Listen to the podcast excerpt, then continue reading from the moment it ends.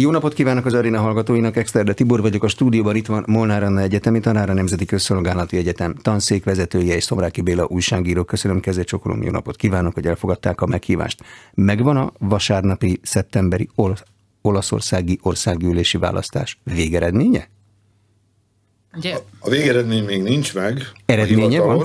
De az eredménye megvan, 99%-os feldolgozottságról tudunk, 26-án délután ez a helyzet.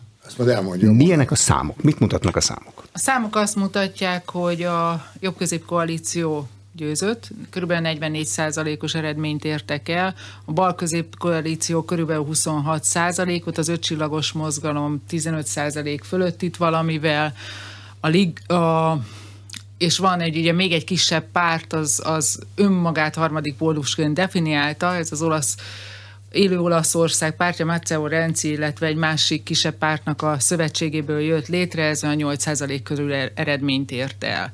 Giorgio Meloni a miniszterelnök jelölt? Ez fix? Hát nagy valószínűséggel a választási rendszerből következően, Ugye majd hivatalos eredmény az néhány nap múlva várható, tehát arra még mindenképpen várni kell, és utána ugye elkezdődik az a folyamat, ami a kormányalakításhoz vezet, de jelenleg az egy, jelenlegi számok és a választási rendszer, ami többségi és arányos is egyben, az látható, hogy, hogy abszolút többséget szerzett a középjobb koalíció akkor a parlamentben. A kérdésre válaszolva, az fix, hogy ő a jelölt. Az nem fix, hogy miniszterelnök is lesz mitől ne lenne? Azért, mert az alkotmány erre nézve nem ad pontos rendelkezést az olasz államelnöknek, a köztársasági elnöknek, tehát ad abszurdum, az is előfordulhat, hogy különböző megfontolások miatt az államelnök veszi magának azt a szabadságot, hogy azt mondja, hogy nem, én ebben veszélyeket látok, félek a pénzpiacoknak a beavatkozó, bármitől, és azt mondja, hogy akkor csinál egy úgynevezett elnöki kormányt. Erre szinte semmi ö, valószínűséget nem lehet kitalálni, de azért elképzelhető egyébként Mattarella, mint az elődje, Re Giorgio, Giorgio király, Giorgio Napolitano szeretnek beleszólni ebbe a dologba, olyannyira, hogy például az előző kormány alakításnál négy és fél évvel ezelőtt Mattarella kihúzott két embert is a kormánynévsor. Azt mondta, hogy őket nem, mert ők ellenségei az eurónak, mert ennek nem örülnének a pénzpiacok, és tehát Elméletileg van rá lehetőség. Milyen az olasz választási rendszer, ahol a számokból ez az eredmény jön ki? Mi a lényege? Azért egy picit én ezt, ezt hozzátenném azt is, ugye ez egy folyamat lesz, hogy a kormány létrejön, tehát azt jelenti, hogy most gyakorlatilag megszületik az eredmény, azt hiszem, hogy október 13-án fog létrejön, feláll az új parlament, ezt követően megválasztják az alsóháznak és a szenátusnak az elnökét, majd elkezdődik egy konzultáció. Ugye ez az az időszak, ami 2018-ban nagyon hosszú volt, 80 napig is tartott az egész folyamat, amíg lezárult. Most azért esélyesebb, hiszen hogyha abszolút többség van, akkor, akkor a pártok meg fognak egyezni abba, hogy ki mögé tud beállni egy abszolút többség. Ez alapján ö, ugye Mattarella az, az kinevezi, vagy megjelöli a miniszterelnököt, aki jön egy új kormány lehetőséggel, hogy kik lesznek a kormánytagok, és ezt követően jöhet létre a kormány. Tehát ugye ez a folyamat, ami ebben az esetben a választási eredményeket látva lehetséges, hogy rövidülni fog az eddigiekhez képest. Maga a választási rendszer az viszont Ugye egy, az egyharmada az a többségi rendszerre épül, a kétharmada pedig arányos választási rendszert jelent, ami azt jelenti, hogy részben pártlistákra, részben pedig személyekre is szavazhatnak az olasz állampolgárok, vagy szavazhattak. Stabilitást középpontba helyező az olasz választási rendszer, tehát törekszik arra, hogyha van kormány, akkor ez egy masszív, stabil kormány legyen? Igen, természetesen erre törekszik, ezt a választási rendszert sok más előző, az egyiket például Porcellumnak hívták, ami a latinos olaszul azt jelenti, hogy disznóol, mert annyira kitalált és kimódolt volt. Ez mindenféleképpen arra törekszik, hogy a stabilitás megjen. Ezt maguk a most nagy vesztes demokrata párt képviselői találták ki, egy Ettore Rosato nevezetű szenátor öntötte ezt formába, innen nyerte a nevét, Rosatellum, ugye a Rosátóból, ez a terve, ez az elképzelés, ez a most már harmadszor szavaztak vele, ez egy olyan, pontos, igen, harmadszor szavaztak vele, ez egy olyan választási rendszer, mindenféleképpen az koalíciókat, a választási koalíciókat részesíti előnyben, tehát az elhullott szavazatokat szépen besorolja nekik. Ezért lehetséges az, ami talán az hallgató számára az előbb nem derült ki, az abszolút többséget említettük, hogy 44, 43, 44 százaléka hogy abszolút többséget, úgy, hogy a magyar választási rendszerben is, tulajdonképpen ezzel a rendszerrel a 44 százalékkal mind a szenátusban, mind a képviselőházban a jobboldali tömörülés az kb. 60 százalékát nyerte el a mandátumoknak. A 60 százalék az egy alkotmányozó többség Olaszországban, vagy csak egy többség Olaszországban? Az még nem, az egy többség, az abszolút többség valószínűsíthető most. Tehát, hogy tényleg meg kell várni a végeredményeket, és pontosan, hogy hogy fog kinézni, de az, az nagy valószínűséggel meg fog történni. Annyival még kiegészít. Bocsánat, több, mint valószínűsíthető. Jó, Ez okay. tutti frutti. A, ami, annyival még kiegészíteném a, a magyarhoz képest mi a különbség. Ugye, ugye az olasz választási rendszerben a jelöltre és a listára is együtt kell szavazni. Tehát nem lehet átszavazni. Ha véletlenül, ha valaki úgy szavazott, hogy mondjuk egy jelöltre és egy másik listára, akkor ebben az esetben érvénytelenné vált a szavazata, tehát ez nem lehetséges. Hm. Tehát a, a politikai tömböknek is ad egy stabilitást ezzel a rendszerrel mindenképpen. Mire számíthat Georgia Meloni? Masszív többségű, stabil kormányzásra? Két ö, nagy tapasztalatot szerzett partnere van ebben a játékban. Arra számíthat, hogy mindenféleképpen egybe kell tartani ezt a megválasztott három párt között létrejött egységet, mert olyan támadások elé néz, amihez képest a bevezető szimfónia, ami abból állt, hogy folyamatosan mindenhonnan, a világ szinte minden részéről a mainstream média és az e- Európai Uniós politikusok legnagyobb része minimum lefasisztázta, alkalmatlan, nem ért hozzá, populista, demagóg. Erről a győzelem után is, ma reggel is megjelent, kör, én kb. 15 cikket láttam, vagy megszólalást, amiben a legfinomabb az, amikor a francia miniszterelnök asszony, Elizabeth Born azt jelenti, hogy ő nem kommentálja de azért rögtön hozzáteszi, hogy Franciaország vigyázó szemét majd az olasz kormány viselkedésére fogja vetni, hogy nehogy sérüljenek az emberi jogok, különösen az abortuszhoz való jog. Ez persze meg, meg kell jegyezni azt, hogy a Franciaországban a miniszterelnök az kb. annyi, mint az elnök, egy elnöki főtanácsadó, akit bármikor ki lehet rúgni, vagy bármikor ki lehet nevezni. Bocsánat, az olaszok szokták díjazni, hogyha kívülről beleszólnak a belpolitikájukba? Van ennek ki valami hagyománya? Ki szokta Ezért kérdez, nem nagyon szokták. Az általában egy ellen a, a folyamatot indít. viszonyban mindig volt egy kettősség, és az is érdekes volt, ugye Marie Le Pen az, az kifejezetten üdvözölte az eredményeket, viszont az is érdekes volt, hogy mit mondott a, a, az államfő, tehát Macron. Macron azt mondta, hogy meg kell, pragmatikus választ adott nagyon, azt mondta, hogy meg kell várni majd, hogy mi fog történni, hiszen már volt olyan vezető olasz politikus, az ötcsillagos mozgalomnak a politikusa, aki Párizs, Franciaországba látogatott, és a sárga mellényesekkel találkozott, akiket eléggé felborították abban az időszakban a francia politikát, és ebből, a francia, ebből az olasz politikusból, bocsánat, később külügyminiszter lett. Ugye Di Maio volt, aki most azonban ki is esett a parlamentből. Tehát, hogy azzal, hogy kormányra kerül egy olasz politikus, azzal azért időnként, tehát az, az sokszor megfigyelhető, hogy másképpen cselekszik, mint amit előtte mondjuk képviselt. Matteo Salvini és Silvio Berlusconi van még benne ebben a szövetségben. Ők hogy állnak hozzá? Lehet erről bármit látni most? Kénytelenek jó arcot vágni ahhoz, hogy hátrébb szorult mind a kettő. Berlusconi visszaszorulása, illetve a pártjának a redimenzionálódása az már elkezdődött a múltkori szavazáson, a 2018 márciusi szavazáson, ahol úgy gondolt, hogy az ő pártja lesz a legelső, tehát a jobb oldal majd megnyeri a választást, és ő lesz a miniszterelnök, mert a legerősebb jobboldali párt. Ehhez való képest Salvini, akinek adtak 7-8 százalékot, kapott 17-et a szavazóktól, és Berlusconi pedig lezuhant 10,4-re, ha jól emlékszem, most pedig 8%-on végzett 8,1-en, de úgy, hogy mérték már 6%-ra is. Úgyhogy neki, mint az olasz és az európai politika nagy öregének, jó arcot kell vágni a rossz játékhoz, hogy ezt a olasz közmondást tartja.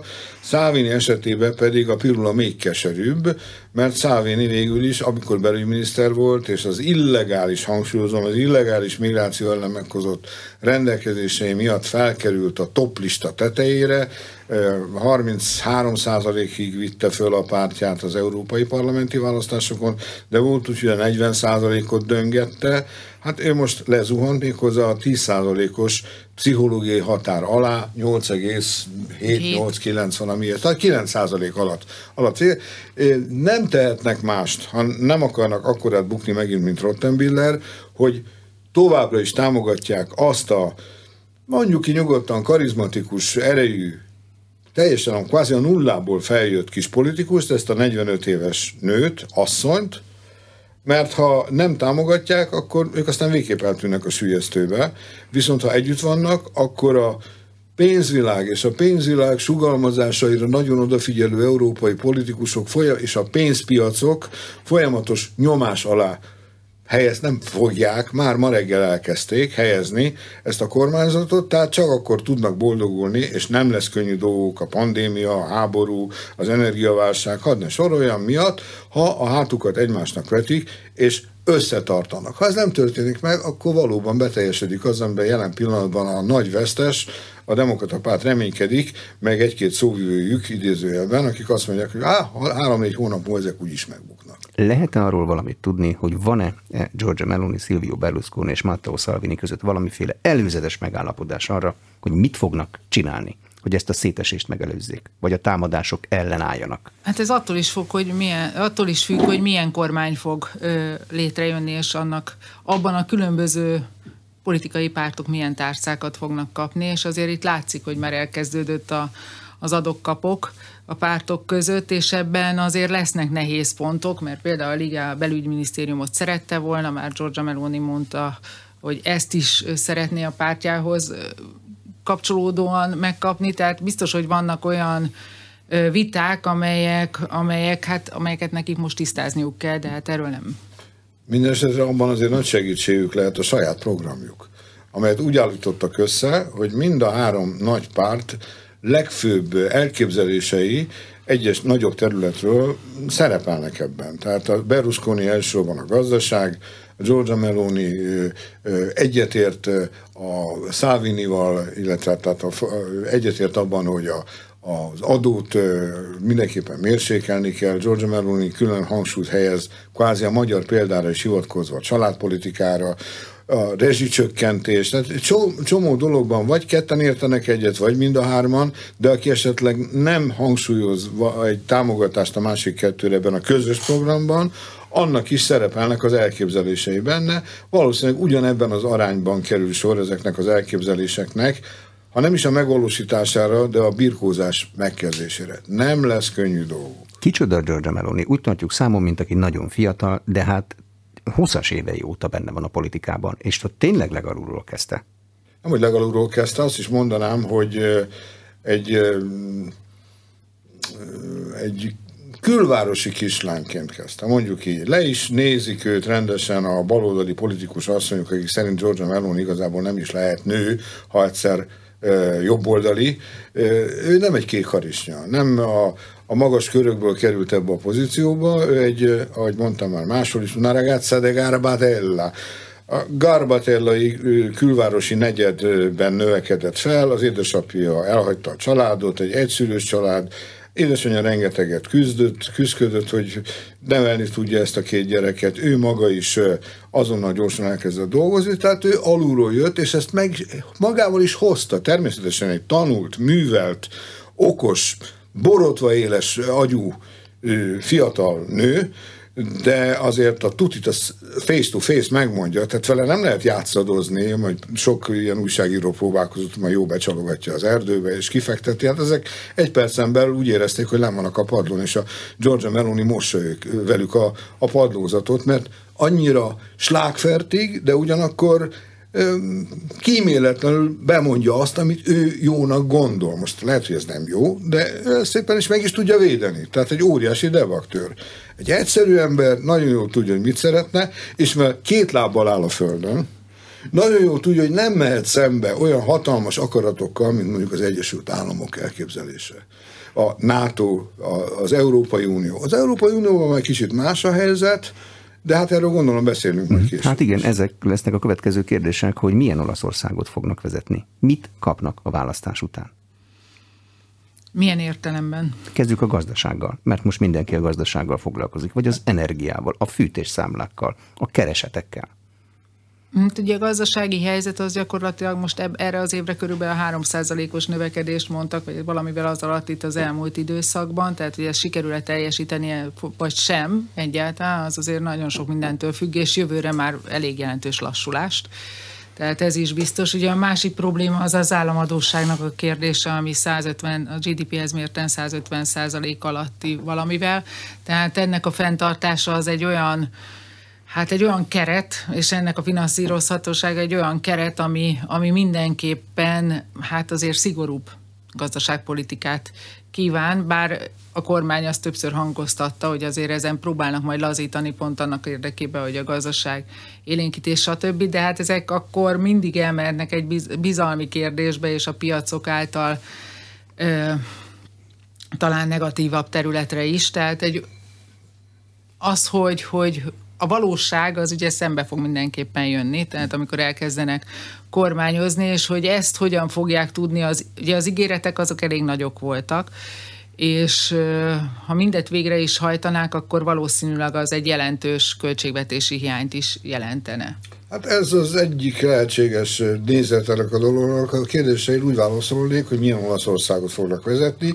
Egy olyat, amelyben a kormányzat elképzelései jobban megfelelnek a közvélemény elvárásának amely közvélemény hozzászokott az utóbbi 11 évben ahhoz, hogy egy olyan párt mondja meg a tutit, aki 15 év, éve nem nyert választást, és ez eléggé borzolja az ő kedélyeiket, ráadásul közvélemény sor olyan tra- drámai, mi több tragikus fordulat, amiatt ezek a elvárások sokat változtak az olasz választópolgárok részéről. Először is szeretnék, hogyha valamilyen módon ki tudnák fizetni mondjuk a sárga csekkeket, a rezsiköltséget és így tovább. Tehát én nem, nem abban hiszek, hogy ők lazítani fognak. Ezt nem is tehetik meg. Ezt a pénzpiacok, amelyek nagyon szeretnek azért elég komoly nyomás alatt tartani minden eurózón, nem csak eurós, de az eurózónás államokat mindenféleképpen, nem is tennék lehető. Be kell nyújtaniuk egy költségvetési tervezetet az EU-nak is, ott ezt vissza fogják dobálni, hogyha ilyen dolgokkal jönnek elő. Azt hiszem, hogy nagyon megfontoltan el kell, hogy tolják a hangsúlyokat, például egy olyan dolog felé, ami nem következhet be azonnal, ilyen például az adórendszernek a megváltoztatása, de amit hosszabb távon lehet, hogy véghez tudnak vinni. Amit azonnal meg kell tenniük, és ebbe igazat adok a tanárnőnek, az az, hogy az olaszok úgy érezzék, hogy valami nem csak ők változtattak, mármint hogy helyrehozták azt a demokratikus deficitet, ami az utóbbi három évben jellemezte egész Olaszországot, hogy a parlamentben ült egy olyan ö, szintársulat, amelynek egy legnagyobb része elvesztette a hitelét, gondolok az ötcsillagos mozgalomra, a közvélemény egészen másképp gondolkodott, igazából jobbra tolódott, jobboldali kérései, követelései, nem voltak jobboldali kérései, normális, egyszerű embereknek a túlélési ösztönei kerültek felszínre, és ennek jobban meg tudott felelni ez a jobboldali hármas csapat.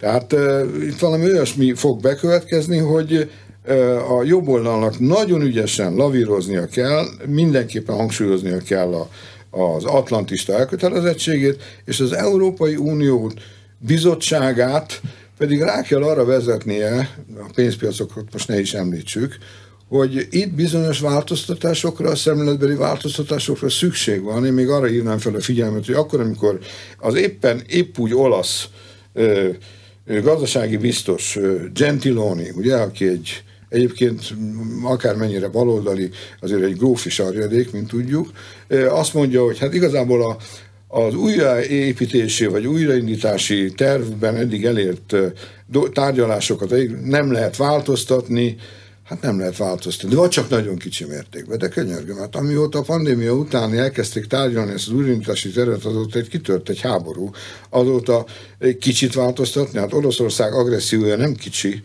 a ottan kifejtett erőfeszítések a világ részéről, Európa részéről, azok nem kicsi erőfeszítések, tehát itt azért a világ megváltozott. Mindenféleképpen valamilyen módon át kell csoportosítani az erőket, és azt hiszem, hogy ez nagy mértékben a Georgia Meloni vezette csapatnak a kezére játszhat, mert nem csak Olaszországnak van szüksége a pénzpiacokra, de a pénzpiacoknak és a pénzpiacokat képviselő, részben képviselő politikusoknak is szükségük van Olaszországra. Gazdasági kampány volt a választások előtt? Vagy ideológiai kampány volt? Vagy teljesen vegyes volt? Teljesen vegyes volt, én azt gondolom. Nagyon sokféle kérdés jelent meg a választási kampányban, a gazdaságtól, a család kérdése, az oktatási rendszer, a digitalizáció. Gyakorlatilag mindenről szó volt. Tehát, hogy így azt mondani, hogy csak egy a, az energiaárak, nem tudom, a védelem kérdése, Ukrajna, minden, minden felmerült ebben a kampányban, hogy azt mondani, hogy kifejezetten egy dologra koncentrálódott volna az, az, azt én nem hát Ezt nem lehet mondani, de azért a baloldal, amelyik teljesen elszúrta a maga kampányát, valójában legalább akkora fontosságot és teret biztosított a demonizáló ö, kampánynak, a Giorgia Meloni lejáratásának, posztfasiszta, fasiszta, ez óriási segítséget kapott a mainstream sajtótól, a New York Times-tól kezdve a, a, az angol sajtóig keresztül, az olasz hazai sajtón. Tehát olyannyira, a kérdés majdnem, hogy az nem az volt, hogy most akkor hogyan fizessék ki az olaszok a sárga csekkeket, hanem az, hogy hogyan akadályozzuk meg, hogy kitörjön Olaszországba a fasizmus. Hogyan akadályozzuk meg, hogy Georgia Meloni Orbanisztán csináljon. Két főszereplője volt a, a, tulajdonképpen a, a baloldali csődöt mondott és vereséghez vezető kampánynak, a fasizmus és Orbán Viktor. Orbán Viktor nevekörben naponta 15-ször került elő. De nem úgy, mint a fasizmussal bármilyen összefüggésben levezek. De azért de nagyjából úgy. igen, volt, aki Kerekperec le is fasisztázta természetesen, de hogy a fasiszta Melóninak az ihletője az Orbán, az szóval teljesen eltoltak mindent, és az olaszoknak ez abszolút nem jött be ez a dolog. Erre még ráerősített ugye Ursula von der Leyen azzal az elhíresült kijelentésével valamikor a 20, 21-én talán, vagy Princetonban, ahol elmondta, hogy végül is lehet, hogy figyelembe fogják, majd meglátják, hogy, hogy mi lesz a választás eredménye, tudta, hogy mi lesz a választás. Hát azért vannak információik, voltak, tudták, hogy a jobb oldal fog győzni. De ha nem sikerül, vagy ha nehéz lesz a, velük a tárgyalás, vannak eszközeink. Olyan eszközeink, mint Magyarország és Lengyelország esetében. Nekünk itt a mi politikánkban posztfasiszta párt az nincsen. Nem is volt. Olaszországban létezik ez a politikai mozgalom? És ha igen, akkor ezt mivel lehet leírni? Tehát a pártnak a, a története az kapcsolódik korábbi posztfasiszta párthoz. Ugye az, a második világháború után létrejött az Uomok Valunka először, ebből, tehát a bárki, bárki pártja volt az. Az utca embere. Az utca embere. Ebből jött létre a Movimento Sociale Italiano, ez az olasz ö, szociális ö, mozgalom volt, ami gyakorlatilag utána átalakult Alleanza Nazionalévá, Nemzeti Szövetségé. Ez a párt koalícióra lépett Berlusconi pártjával, a Hajrá Olaszországgal, majd létrehozták a Popolo della Libertà, Szabadság népe, az egy közös párt volt. Aztán gyakorlatilag az szétesett, és újra alakult a Forza Italia, és a részben az Alleanza Nazionálénak a maradványaiból, tehát a Nemzeti Szövetség maradványaiból hozták létre politikusok, részben Giorgia Meloni 2012-ben a ezt az új pártot, az Olaszország fivérei pártját. Annyit és ugye az, ami miatt szoktak erre utalni, hát részben az is, hogy gyakorlatilag a pártnak a szimbólumában mind a mai napig benne van a, a szociális mozgalomnak a szimbóluma, ez a három láng. Ez a három láng, láng, ez azért nagyjából emlékeztet, nagyon távolod emlékeztet Magyarországon arra a felhődülésre, hogy Árpád zászlós, Árpád sávos zászlók, Árpád sávos zászlók. Hát az Árpád sávos zászló egy régi dolog, a, három, a hármas láng, a trikolor láng pedig alapvetően az olasz nemzeti lobogó három színét jeleníti meg. Erőltetetnek érzem ezt, a mindenképpen húzzuk rá a fasiszta jelzőt erre a dologra, de az igazsághoz az is hozzátartozik, hogy a Nemzeti Szövetség, amikor annak a az elnöke a Berlusconi által saját utódjának kiszemelt Gianfranco Fini volt, akkor Fini, aki miniszterelnök helyettes is volt, Budapesten is járt többször, azért Fuji-ban rendeztek egy nagy történelmi konferenciát, a, ezek a nemzeti szövetségi tagok, ahol kimondták, hogy semmi közük a fasizmushoz, milyen elítélik, a fasizmusnak soha többé nincs helye Olaszországban. Notabene azért a fasizmust 80 éve meghalt, 80 éve el van temetve, tehát aki ezzel operál, az vereségre van ítélve, a, ami be is következett. Hát De itt az eredmény. A fasizmussal való vádolása egy politikusnak Olaszországban az elég éles fegyver ahhoz, hogy válaszolnia kelljen rá, vagy elengedheti a füle mellett? Meloni nem igazán vállal. Tehát gyakorlatilag nekem úgy tűnik, hogy inkább elengedi, és a, az utóbbi időszakban a beszédeiben pont a nemzetközi közösségnek, a partnereknek a megnyugtatása az, ami szerintem hangsúlyosabb, tehát hogy próbál ő is ettől a múltól távolodni mindenképpen, és hogy, hogy egy moderáltabb, egy valamivel mérsékeltebb álláspontot képviselni.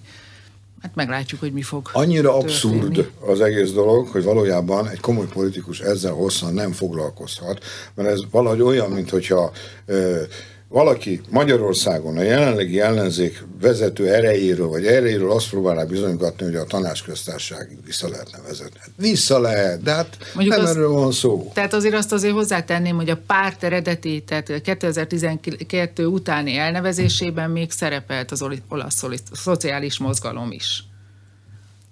Na de az olasz szociális, hát az olasz szociális mozgalom a Fratelli d'Italia. Az eredeti nevében, igen, ott még ott volt. Tehát gyakorlatilag, és ugye az volt az a párt a, tulajdonképpen a második világháború utáni időszakban, amelyik amelyik egy, egy politikai karanténban volt. Ki volt egy időszak már a, a hidegháború végén, amikor kívülről ö, támogatták a jobboldali, vagy hát az is, azok is mindig koalíciós kormányok voltak, gyakorlatilag a 80-as években is, de egy ilyen politikai karanténban volt az a szélső jobboldali párt, és tulajdonképpen hát ezt a múltat azért mindig előhozzák, amikor, amikor vele kapcsolatban. De, de ez egy őrület, mert ez egy modern jobboldali párt, a Georgia Meloni vezette párt, egy nő vezeti, ami egy abszolút újdonság, teljesül a liberálisok álma, hogy végre egy női politikus, szóval azzal foglalkozni, hogy a, az apám, édesapjának a izéje volt-e, nem tudom milyen igazolvány, szóval ezek ilyen Ráadásul óriási és csatanos választ adott az olasz választók többsége, azért ez a parlamenten most föl fog állni, ez egyáltalán nem arról fog szólni, hogy vajon vannak-e fasiszta elképzelései, vagy posztfasiszta elképzelései Georgia Melonnak, ez az egész egy ostobaság. Ennyit a múltról.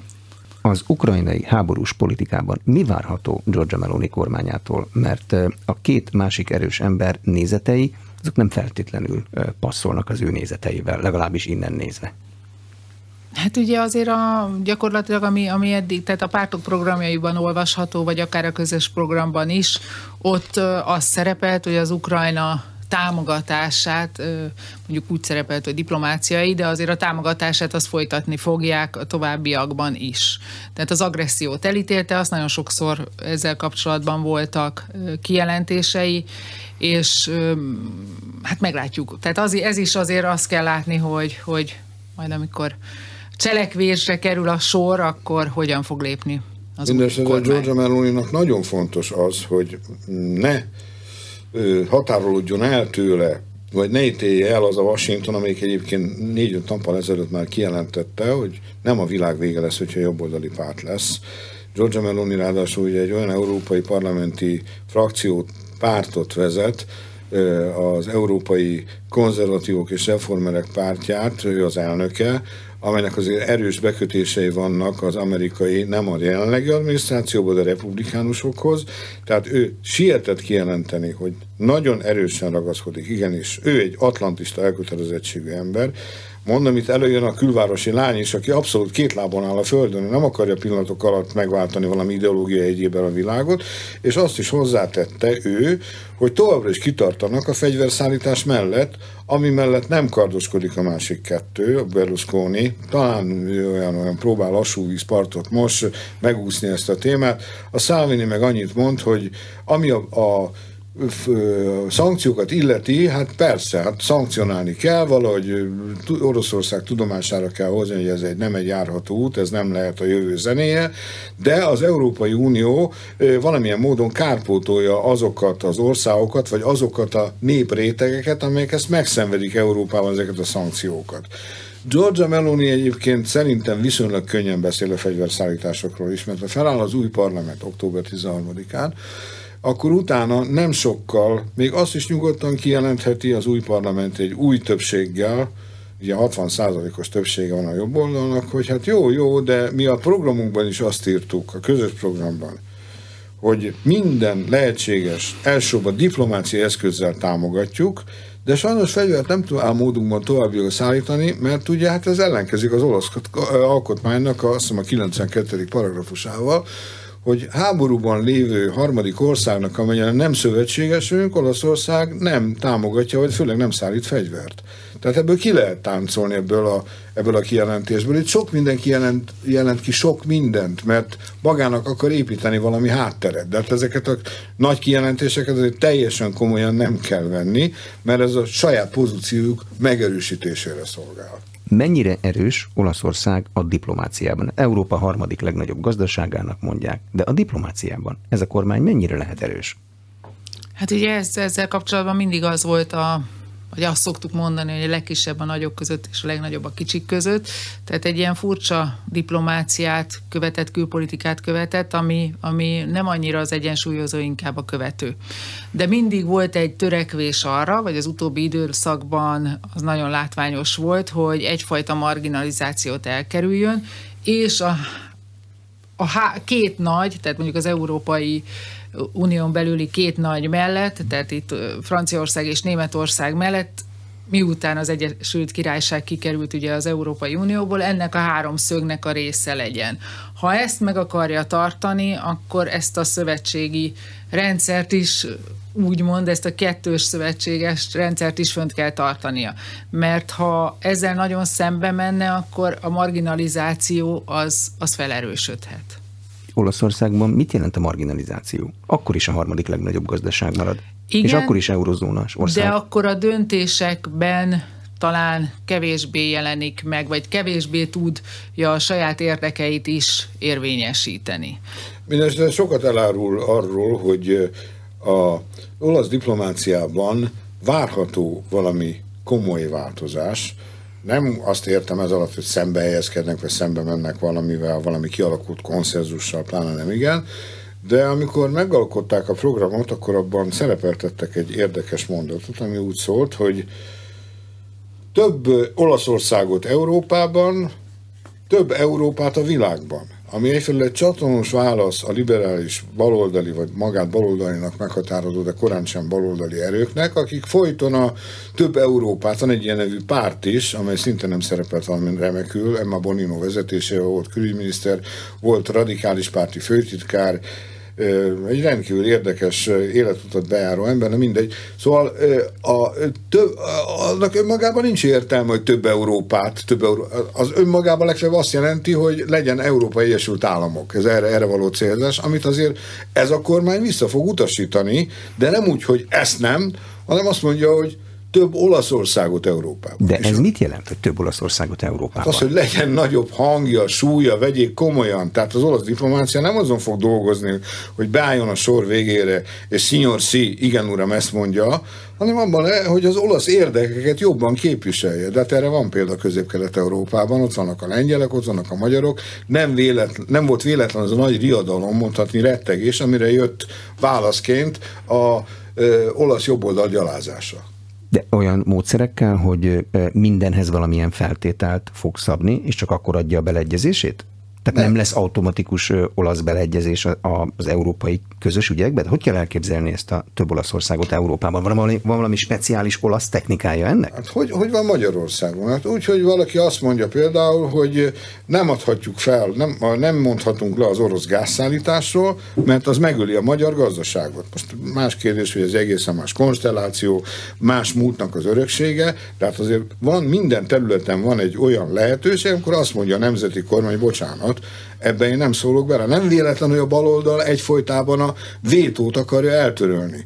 Lettának, az, a demokratikus, a demokrata pártnak majdnem minden nap megszólásában benne volt az, hogy itt van az Orbán, amelyik a vétójával állandóan megfúrja, tehát igenis csináljuk azt, hogy törőjük el a vétót, és akkor jött egy fantasztikus, volt alkalom ezt már párszor elmondani, bolsevik ízű mutatvány, hogy vonjuk meg azoktól, akik nem akarják bizonyos dolgot, a vétójogot, szavazzunk, és ők nem szavaznak, akkor egyhangú lesz a szavazás eredménye. Egyhangú szavazás nem, de egyhangú eredményt akarunk. Hát ez egy fából vaskarika. De az várható, hogy az olaszok álláspontja ezekben a kérdésekben a magyarral párhuzamos? Azzal ha nem következik be, akkor azt hiszem, hogy feladhatják az eredeti identitásukat, főleg a Giorgia meloni -t. Mindenki ezt vállalniuk kell de van erre utaló előzetes vállalás, jel, ráutaló magatartás, hogy ezt jónak tartják, eredményesnek tartják a magyar megoldást, és akkor... Nem akarnak ők másolni. Nem, nem, de nem, nem csak úgy értem, hogy hát nem, másolni, hanem ami nem. jó, azt csinálni hát kell. annyiban van, hogy hogy természetesen Magyarországgal és, és különösen Orbán Viktorral jó a kapcsolata, mind, mind a három embernek, Berlusconi-tól kezdve, ugye folytatva a sort, Melonival is. Van egy emblematikus fénykép, tavaly készült nyáron Róma egyik temploma előtt a lépcsőn, ül Orbán Viktor középen mosolyog, mellette Novák Katalin, a másik oldalon pedig Giorgia Meloni. Az egyik oldalon a leendő magyar államelnök, a másik oldalon a leendő olasz miniszterelnök. Szóval van egy ilyen áthallás persze, de hát nem ez a lényeg, hogy ők valakit, hát az a világ legtermészetesebb dolga lenne, hogy egy olyan kormány, ami magát nemzetiként határozza meg, és itt nem kell visszamenni mussolini bocsánat, az őrület lenne, egy nemzeti kormányzat, amik azt mondja, hogy igenis az olasz érdekeket kell képviselnünk. Ez nem fér bele a baloldali gótába. Visszatérve még egy kérdés erejéig a választási rendszerre. Látom a térképet, és Olaszország kék lényegében. Egyéni választókerületekben dőlt el a választás? Hát az egyéni választókerületek mindenképpen hozzájárultak ahhoz, hogy ugye a parlamenti többséget sikerült megszerezni ennek a koalíciónak. Mert a listán, tehát a, a teljes, tehát a választási eredmény ugye ezt a 43-44 százalékot hozta, majd pontos eredményt megkapjuk, de a szavazatok alapján ugye a parlamenti helyek ettől eltérnek, mert ugye ebben már jelentősen ö, változtatnak azok a többségi elvek, illetve maga a, az egyéni választókerületben elért eredmények. Mert ugye ott az nyert, az a párt, vagy annak a jelöltje, aki a legtöbb szavazatot kapta, és nem kellett ez abszolút többség, hanem aki a legtöbbet kapta, az meg is nyerte azt ha a kerületet. Ha otthon valaki papírszeruzát vesz elő, és végignézi azt, hogy a listás szavazás, ami 67%-át adja a kiosztható mandátumoknak, ez még hozzájön a 67%-hoz, ami nagyjából arányosan, a 44%, nem tudom értető, amit mondok, veszi ennek a hat, ennek a lista eredménynek a 67, 67 százalék elosztja, akkor abból kijön egy bizonyos összeg.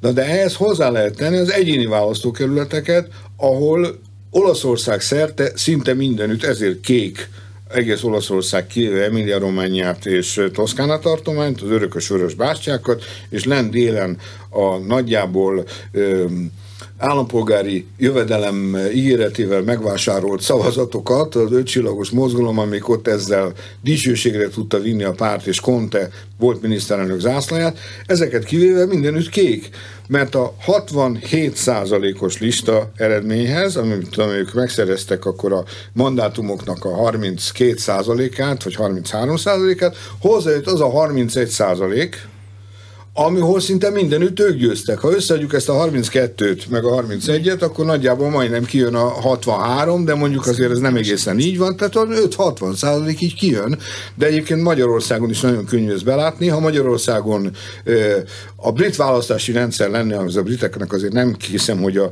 demokráciát tanulniuk kéne, miután azért 300-400 éve meg ez működik náluk. Ha csak egyéni lett volna, akkor Orbán Viktornak 2010-ben vagy 2014-ben 92%-os többsége lett volna. Tehát itt is van részben listás, részben egyéni. Az egy más kérdés, hogy össze kell kapcsolni a kettőt, de az összekapcsolás, tehát valaki nem, szám, nem szavazhat egy bal, egy baloldalra a listán és jobb oldalra az egyéni jelöltben. Az a kettő akkor kiüti egymást. De ez nem veszi el annak az értékét, hogy egyfelől összejön a lista alapján mondjuk 30% a jobb oldalnak, és összejön a másik 31%-ból összejön az előbb talán kicsit többet mondtam, 27, és akkor kijön a, a, a 60 százalék. Azt van értelme kutatni, hogy melyik párt kapott legtöbb szavazatot? Ezen a választáson? Van értelme azt is megnézni, tehát a legtöbb, pár, legtöbb szavazatot az Giorgia Meloni pártja kapta, tehát kb. 26 százalékot. A második párt pedig a demokrata párt, az nagyjából 19 tehát 20 százalék alá ment be. Mondjuk azt is lehet látni, hogy ez az a párt, ami ilyen szempontból leginkább stabilabb, mert körülbelül az elmúlt választásokon nagyjából ezt a 20% körüli eredményt érték el. Tehát ezt is érdemes látni, meg hát magukat a koalíciókat egyben, és ugye a baloldal meg az ötcsillagos mozgalom az sokkal széttagozottabb. Ez részben presztízs is természetesen. Nem véletlenül most a demokraták, az úgynevezett demokraták azzal vigasztalják magukat, de mi vagyunk a legerősebb ellenzéki párt. Nem, az ellenzéki jó. párt a, ott. E, a, mihez kezdenek most az ellenzéki pártok? Van-e már valami terve? Nyalogatják a sebeiket, hát fogalmuk nincs róla. Hát akkora ö, maflást kaptak, hogy, hogy tulajdonképpen valamilyen szinten nagyobbat, mint itt Magyarországon, ami azért szintén nem volt kicsi, azért, mert 1948 óta ekkora debakl, ekkora összeomlás, ekkora rovereto, olaszoknak az a Mohácsi rész az első világháborúban rovereto, amit elszenvedtek, 48 óta nem volt, nem véletlenül az a válasz rá, mert egyelőre még nem gondolkodnak rajta, hogy ez mi okozta valójában, hanem kifogásokat keresnek, azt mondják, hogy ez a 48 óta ez a legjobboldalibb jobboldali párt. Most ezt ilyeneket lehet mondani, de valahogy talpra kéne állni, ezt szembe kellene nézni a saját ostobasságaikkal. A vezetőjük ö, rossz ö, kampányával, aki képes volt még azt is felvállalni, hogy azt mondja, hogy válasz, vagy a vörösök, vagy a feketék, amivel magát vörösnek titulálta, vagyis a kommunistának, proletár diktatúra, és csak az, hogy feketére mázolhassa a melonit. Tehát ez egy rossz választás volt. Az oroszok választottak, nem választották a vörösöket, és nem is feketét választottak, hanem egy fiatal, tehetséges nőt egy új kormány élére. Taktikai hibát követett el az ellenzék, szervezési hibát, tartalmi hibát? Kívülről olyan, hogy látszik? Olyan ellentétek voltak a különböző csoportok között, amiket, amik megakadályozták azt, hogy egységes listát állítsanak. Tehát ez, ez egyértelmű, ugye, de ahhoz, hogy mondjuk de azt se lehet tudni, hogy ha egységes listát állítottak volna, az többet hozott volna a, kor, a konyhára. Mert hogy gyakorlatilag ott van az ötcsillagos mozgalom, ami, ami tulajdonképpen részben azért is indíthatta el ezt a folyamatot Conte, mert már olyan annyira olyan mértékben lecsökkent a támogatottsága a kormányon belül, hogy úgy érzékelhették, hogy talán ez már visszafordíthatatlan, és abban az esetben, hogyha kívül valamennyire elhatárolódnak, és ezt a, ezt a különállóságot fogják továbbiakban is képviselni, az hoz. És ez valójában hozott is, mert 15% fölülre visszament. A demokrata pártnak pedig van egy önvizsgálata, mert Enrico Letta be is jelentette, hogy valószínűleg le fog mondani a pártvezető funkció, hogy nem fog újraindulni, és akkor új belső választások lesznek. Én egyrészt kiegészíteném, amit mondott, másrészt van egy kicsit külön véleményem, mert kiegészíteném azt, amikor utoljára találkoztunk itt ebben a stúdióban, és mentem kifelé, az utcán hallottam, hogy hogy Enrico Letta, ez a bizonyos demokrata pártnak a vezetője, és Kalenda, aki egy tehetséges, zseniális gyerek volt, egy nagy filmrendezőnek a, az unokája, egész Olaszország ismerte egy nagy televíziós sorozat, a Szívsz. Amióta él, amióta él, és, és azóta ő, ő folyton premier plánba volt. Na, vele összebótolt a letta. Úgy gondolták, hogy most akkor megcsináljuk a nagy baloldali összeborulást. Eltett négy nap, négy. És úgy utálták egymást, nem, nem találok rá hasonlatot. Tehát akkor meg szétváltak. Lett azon dolgozott, hogy legyen egy campo largo, egy széles körű összefogás, ami azonnal darabokra tört, amikor a tettek mezeire kellett lépni. Tehát valójában nem lehet azt mondani, hogy hogy ne próbálkozott volna, csak éppen rosszul értékelt az egész helyzetet, és akkor jön a külön vélemény. Szerintem nem a Conte és az ötcsillagos mozgalom buktatta meg a drágit, ma is kijelentette lett, hogy azért került ez a Meloni kormányra, mert a, ezek a csúnya ötcsillagosok, ezek megbuktatták a drági kormányt. Egy fenét. Drági megunta az egészet, egy idős úr, olasz államelnök szeretett volna lenni, és megragadta a második alkalmat, hogy lelépjen. Az első alkalom az volt, amikor elnök akart volna lenni, de nem hagyták őt. Most pedig, amikor egy teljesen piszlicsári ügyben húzta fel az orrát, arról volt hogy Konta azt mondta, hogy Róma mellett egy egy hulladék égetőt is be kéne tenni a Recovery Fund az újraépítési programba. Azt nem, azt igen, azt nem, akkor kimegyünk, bejövünk, vonugattak le föl, 55 darab bizalmi szavazást rendelt el, rendelt el az, a, a, parlament, amiben mindig megerősítették Dráginak az elnöki rendeleteit, aki alig tolta be a képét a parlamentbe, talán háromszor, négyszer volt ott, ő rendeletekkel kormányzott, amiket az, a parlament mindig jóvágyott, mert 60 nap után lejár. De ezt a Drági mindig összekötötte a bizalmi szavazással. Hogy akkor, akkor én megyek. Ha nem, nem, ha nem, ha nem, nem. De a, a, amikor végül ez a bizonyos szemétégető ügye került előre, akkor annyira megsértődött, hogy visszaadta a mandátumát az államelnöknek, aki vissza megmondta neki, hogy menjen vissza és kérjen még egyet, és mind az 56., mind az 57. bizalmi szavazást végül is megnyerte, csak nem 100%-kal, hanem 60-nal. Attól még nem kellett volna lemondania. Szó nincs róla. De az alkotmány ilyet nem ír elő. Ő nagyon jónak találta, akkor most én leléphetek. Tudom, hogy nincs még kormány, de az látszik, hogy körülbelül milyen intézkedésekkel kezd, majd ha kezd. Tehát mondtak a választási kampányban erről bármit?